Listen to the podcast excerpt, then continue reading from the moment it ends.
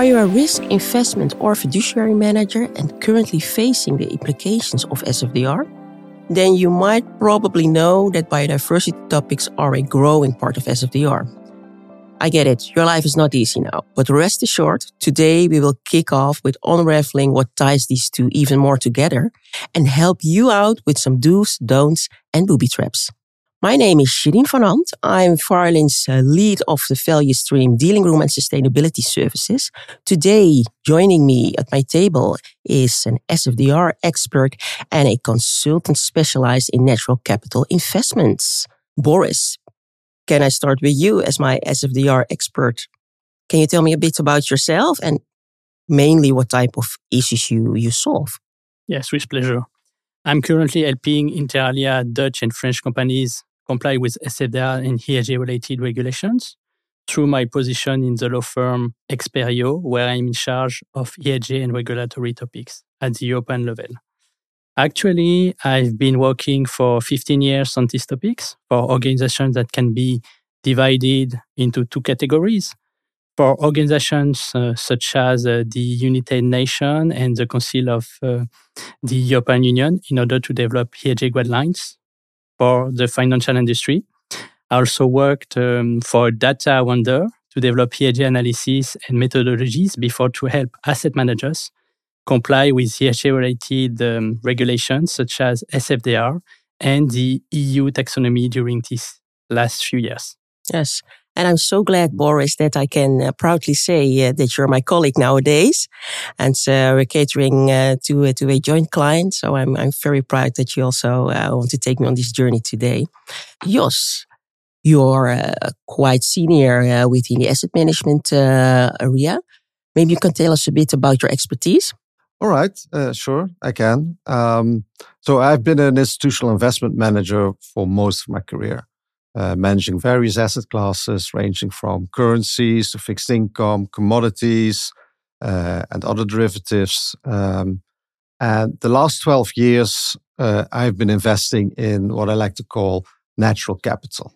But currently, I work as an independent natural capital investment consultant where I help uh, financial institutions, uh, buy side as well as sell side, who want to set up a mandate uh, investing in agriculture, for instance, in forestry or in carbon offsets, uh, or institutions that are struggling with uh, biodiversity risk uh, management. Um, I help them setting up their strategy, for instance. I help them setting up their processes, implement uh, procedures, uh, due diligence, governance, and, and the like. So that's what I do that's quite a 180 uh, degrees you have there at, uh, of, of skills. Or maybe um, we can first talk about SFDR because I'm so curious where we are actually at and where are we going with this? Yes, actually, um, SFDR is currently deploying its requirements regarding product classification and communications that start to be more and more quantitative in order to pursue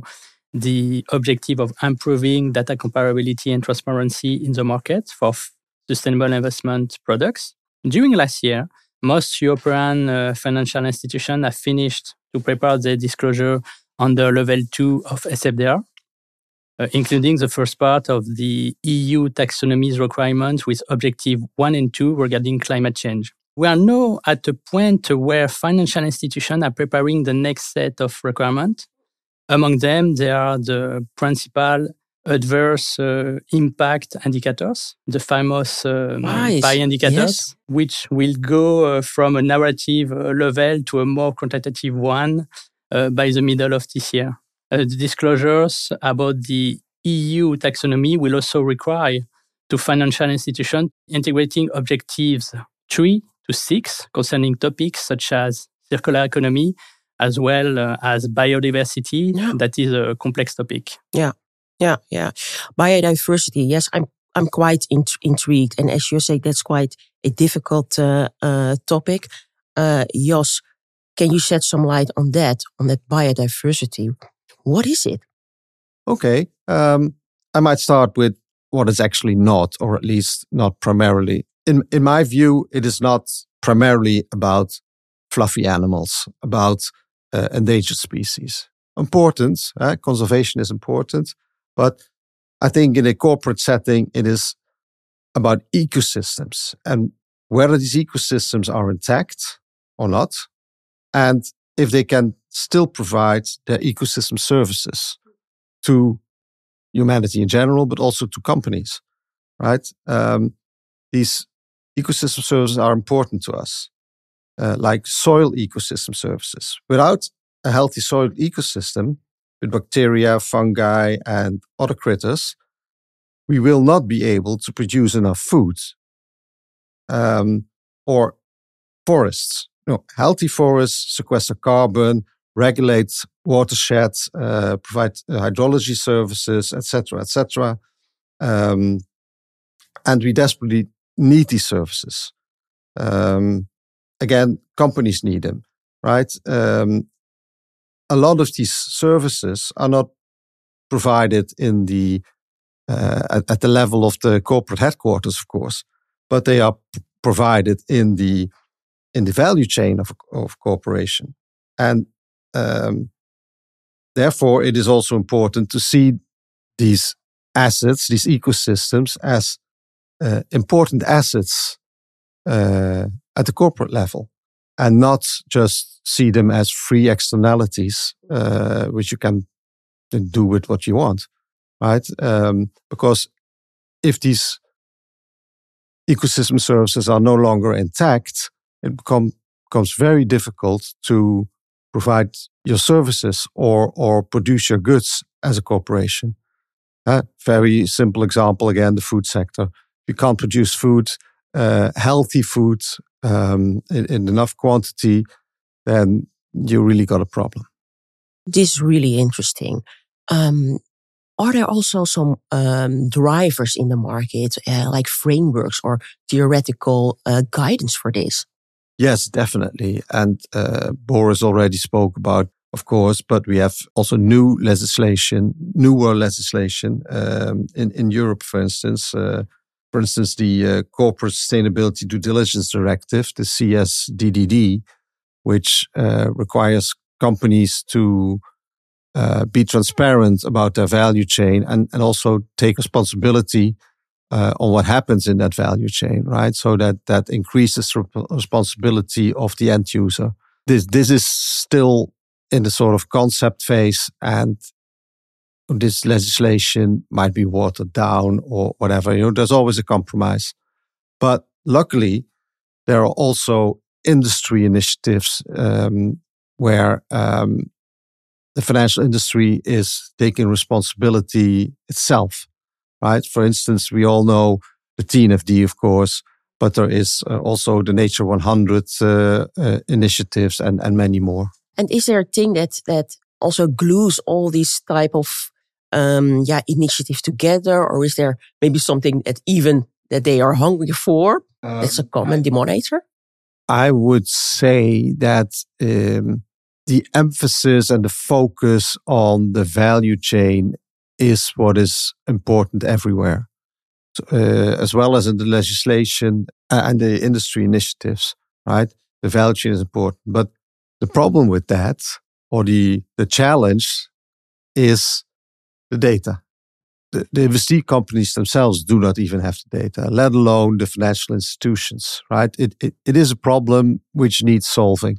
Yeah, data. Um, I think this is maybe an Ivy League word, uh, maybe. Boris, can you tell us a bit what the position actually is from data from an SFDR point of view? Yes, Cherien. Um, from my experience, I could see that financial um, institutions face issues with data, and this partly come from the lack of consistency of SFDR. Um, this is actually the first challenge I see that is due uh, to the sustainability field because SFDR aims at standardizing data through methodologies which are not yet themselves subject to consensual approaches at the European level and even at the international one. Uh, leading to a lack of consistency and data availability in the market. This is actually the second uh, challenge I see because SFDR um, covers um, data that is not yet fully provided by the market. even from large ESG data vendors. Uh, here I'm talking about uh, the data reviewed by vendors, for instance, from the taxonomy technical screening criteria. Yeah. And, uh, and for unlisted equities, this data is uh, very limited uh, on the market. So calculating the full taxonomy alignment weight of portfolios composed by unlisted issuers is almost impossible with current data from the market. However, um, calculations are theoretically uh, possible with relevant skilled people. And this observation leads me to the third SFDR linked challenge I see that is the need for people with complete ESG skills gained both in uh, ESG data vendors, asset managers, and UN institutions, having developed several ESG guidelines used in SFDR and often inspiring uh, the European Union. These are quite some challenges. Can I see them separately? I'm hoping. Or are they even intertwined to get together again? How do they uh, position themselves towards one another? This is a this is a very good question, Cherien. Uh, thanks for asking it. Actually, uh, these challenges are connected, and this connection can be seen with the gap between SFDR's requirements and the reality of the market through limited uh, data about uh, unlisted issuers from data vendors and uh, the lack of relevant skills to understand ESG data and sustainability related regulations. Um, this uh, situation leads financial markets participants to face difficulties to comply with SFDR at two levels. Uh, the data to do required uh, calculations and the in-house uh, skills to link relevant methodologies behind ESG data with the regulator's um, expectation and its reasoning. Uh, a good example of this difficulty is visible in SFDR's Article 2, paragraph 17, that provides, in substance, that a sustainable investment has to include investee companies following good governance practices.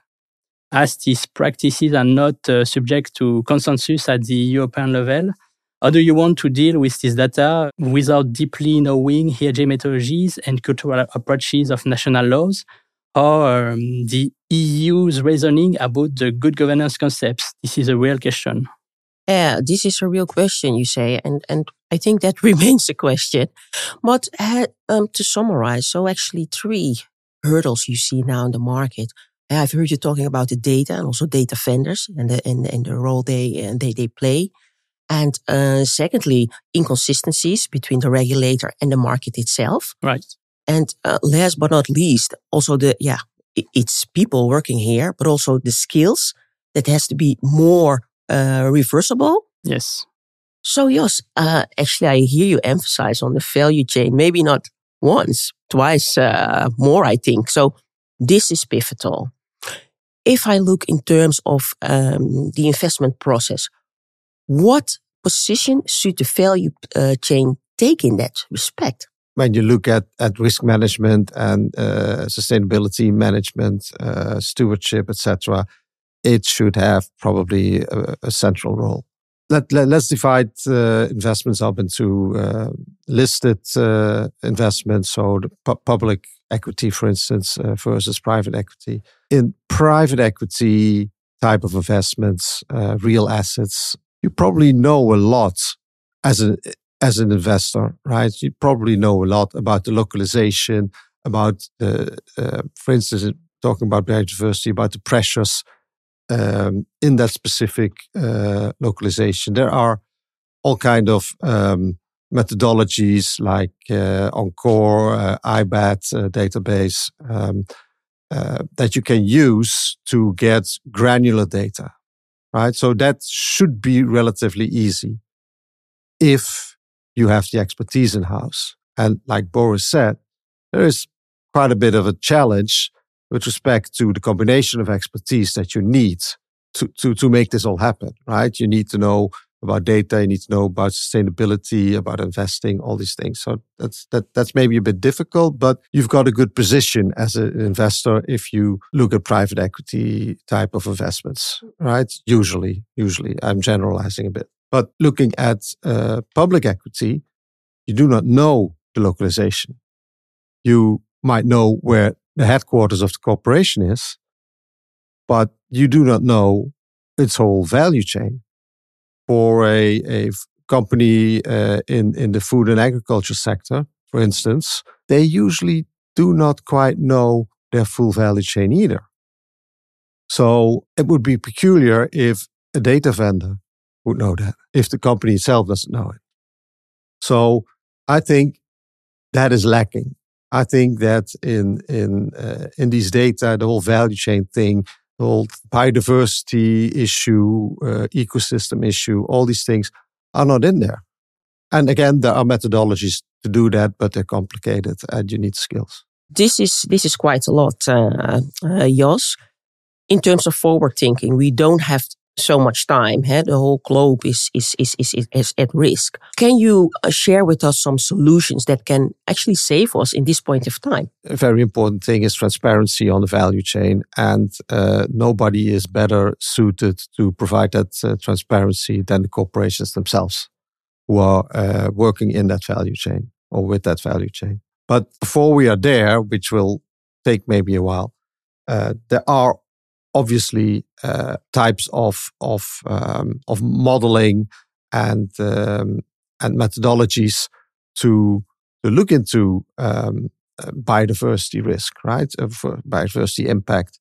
Uh, you know, if you know the localization in, in, in private markets, for instance, then uh, there's eDNA sampling, right?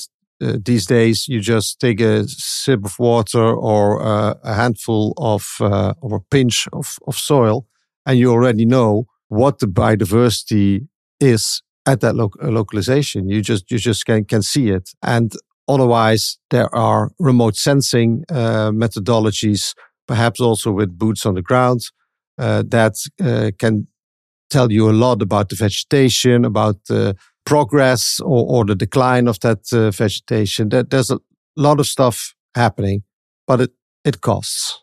Also for public equity, there are rough estimates via modeling. For instance, the biodiversity uh, footprint for financial institutions is one is on is but one example that uh, that does this. You you can model these things and you can start engaging with the listed equities. I think that you need to do a little bit more yourself than only depend on rating agencies. But yeah, in the, in the end, the solution is uh, the, the corporations themselves have to provide transparency. Is there also any good news? Well, that was the good news. I think the, uh, I think the good news now you yourself can do some things, right? And uh, while uh, waiting for the rest to catch up. Boris, uh, this is this is some uh, of the solutions that uh, that yet Jos can uh, can provide us uh, with, and also some good news from your end from SFDR. Are there some quick fixes you can share, or are we doomed? Yes, uh, I can share some. But if I have to pick two, I will talk about shareholder engagement and transparency as well as biodiversity. Uh, on the one hand, I see that uh, shareholder engagement activities promoted by SFDR open the door to a form of regulation from private actors to other ones that lets um, imagine synergistic waves uh, to supplement ESG regulatory trends and to create standards from the market to invite uh, companies to be more transparent. And uh, on the other hand, I see the biodiversity topic that grows at both the international and European levels. And these trends can be checked uh, with the United Nations COP15 on biodiversity and the EU taxonomy's uh, next objectives. So this is this is indeed good news. So seeing SFDR as a how to say a gateway and paving the way also for for all of these other initiatives to to further grow now. Last but not least, I'm dying to ask actually this question to the both of you. What should we stop, start doing? But also tell me what is the biggest booby trap that we are going to fall if we don't uh, have a careful eye? Boris, can you tell me please what you should stop doing? Yes, sure. I think we should stop thinking that only financial, legal data or project management skills are enough to deal with SFDR and ESG related regulations. I think we should start creating common values around ESG issues and the in the organization, uh, promoting awareness training sessions, mixing teams with more people with skills gained in both international institutions and ESG data vendors. Stripe is to consider SFDR as a as an ordinary regulation and try to deal with it through uh, limited views with stakeholders from similar industries. Indeed, SFDR is based on non-consensual ESG methodologies and international regulations reasoning, as well as multicultural concepts behind data represented by um, arguable elements under ESG concepts. This is actually what uh, we can see with the previous example of good governance practices, where unarguable uh, elements like the remuneration perception of bonuses can be uh, different between uh, the Anglo-Saxon world and the Latin culture. Uh, actually, uh, this kind of uh, this kinds of concept directly impact on the relevance by which a company can meet SFDR's expectation and avoiding to be exposed to regulatory risk. Uh, to sum up, the BRAP is to try to comply with SFDR by being focused only on the strategical solutions through data implementation, portfolio construction, or project management to lead changes, uh, because the top priority with SFDR should be looked through the regulatory lens with a tactical solution that can be brought by understanding uh, methodologies behind data and the regulatory reasoning behind the, the requirements and uh, that raises uh, the need for collaborators uh, with experiences both in ESG data vendors and United Nations institutions because the methodological approaches are often the basis of ESG expectation from the European Union. Well, some booby traps over there, uh, Boris.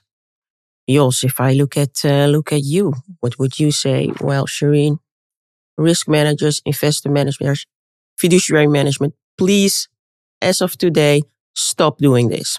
You all should stop uh, hiding behind the, the narrative that the data are not there, right? Um, the data are there. We only have to discover them, right? And I already mentioned a couple of ways of uh, of doing that. And if they stop doing uh, this, then they have to replace all of this work uh, for something else. So what do they start doing then? Well, focus on the value chain, right? Because just as we have in in climate change, um, we have uh, scope one to three. You know, you have that in uh, in biodiversity and and all other sustainability targets uh, also. And in biodiversity, it is really really important to get this upstream uh, uh, scope uh, right. And is there a booby trap that maybe you yourself uh, fell in and that you now want to warn us uh, about? That's a very personal question. I would say that financial institutions need to be brave enough to have and publish a biodiversity strategy, right? Um, and and using a biodiversity definition that goes beyond uh, conservation of rainforests or fluffy animals, right? It should look at risk and impact. So the famous double materiality thing, and perhaps also include nature positive investments, right? The story there is that there is just not a big enough universe, but come on, there are all, always new, uh, new and exciting ideas, and uh, the market is growing. So uh, perhaps financial institutions should uh, again stop hiding and uh, and take some uh, some initiative there. Well, to take a recap, eh, I promised that uh, rest assured there's some help uh, on its way. Can I say that please look at also how you, uh, with what type of people you surround yourself and your team with, eh, type of skills that are uh, on the table. Um, but also um, be very mindful of uh, the data that you have and the level of data and whether it's uh, more granular data, but also the locality of data is, I think, pivotal as uh, as as uh, Jos pointed it out uh, to to us. Um, so that's in the in the in the data uh, and data vendors scope, and don't overestimate um, the need of data you actually um, uh, need.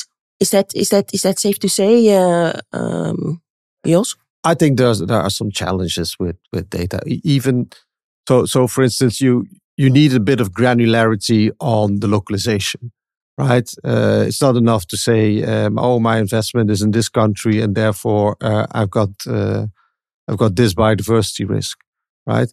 Uh, you need you need to know which ecosystem, for instance. And again, I would say in the end, that's the task of the corporations uh, in which uh, financial institutions invest in to provide that transparency.